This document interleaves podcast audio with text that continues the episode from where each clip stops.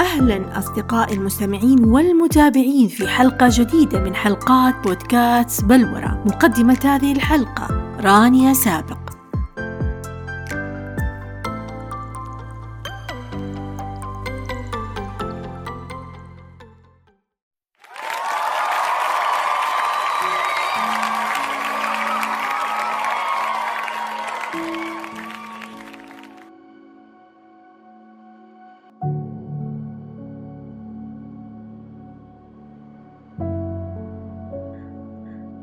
الحماس هو القوة الدافعة التي تساعدنا على تحقيق أحلامنا كما هو الطريق المؤدي إلى القوة المشتعلة التي تفجرها القدرات اللامحدودة ومن المقولات الجميلة للدكتور إبراهيم الفقي عن الحماس يقول أن الحماس ليس له وزن أو شكل بل هو قوة معنوية.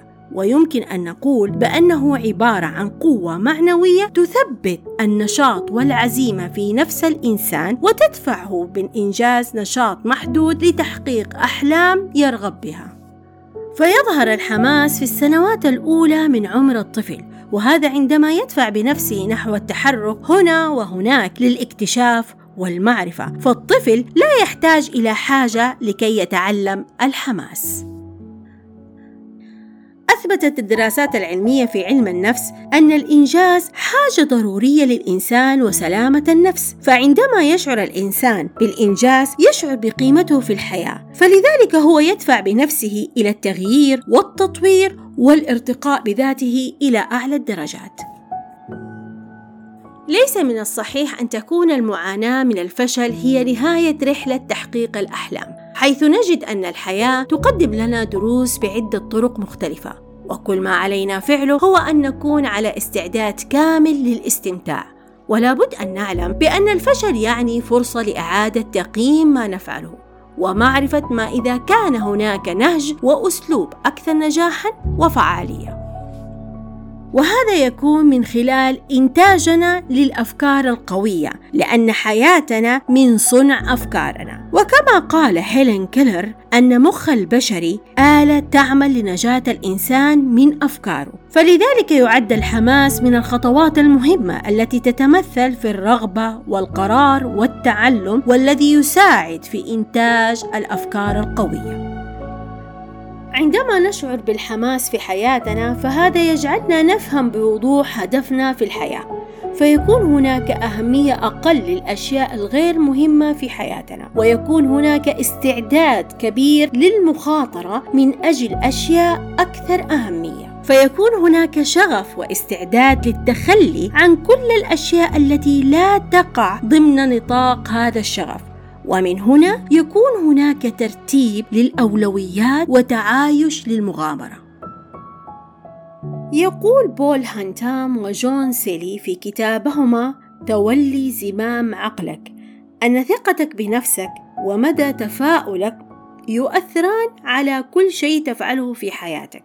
وهذا يعتبر حجر الأساس في مشاعر الحماس. فرؤية السلبيات في الأمور فقط تعمل على الحد من طاقة الإنسان والحماس لديهم. لذلك يجب أن نبحث عن الإيجابيات في كل شيء حتى نستطيع أن نشحن أنفسنا بالحماس.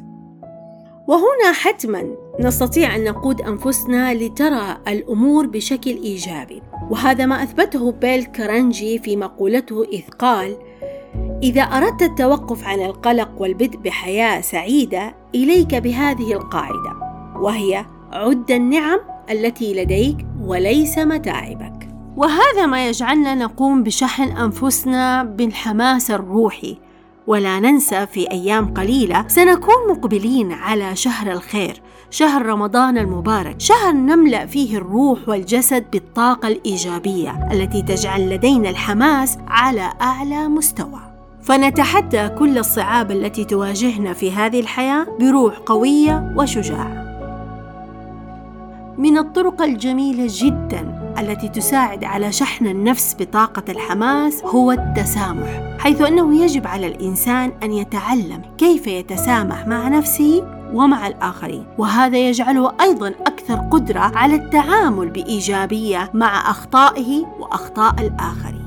لأن في بعض دراسات علم النفس أثبتت أن التسامح والمغفرة يحمي النفس من الآثار السلبية والتوتر والإجهاد على الصحة العقلية والنفسية على المدى البعيد.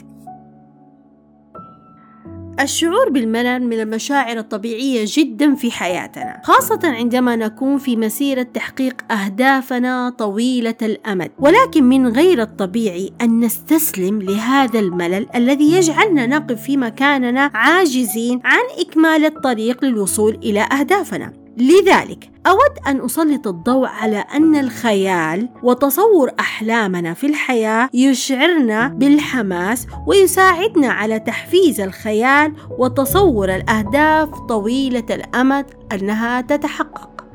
فأنصح الجميع باستخدام أسلوب التخيل والتصور لأن تخيل لحظة تحقيق أحلامنا وأننا قد وصلنا إلى أهدافنا والنتائج الجميلة التي حصلنا عليها تحول مشاعر المتعة بالنجاح إلى حماس.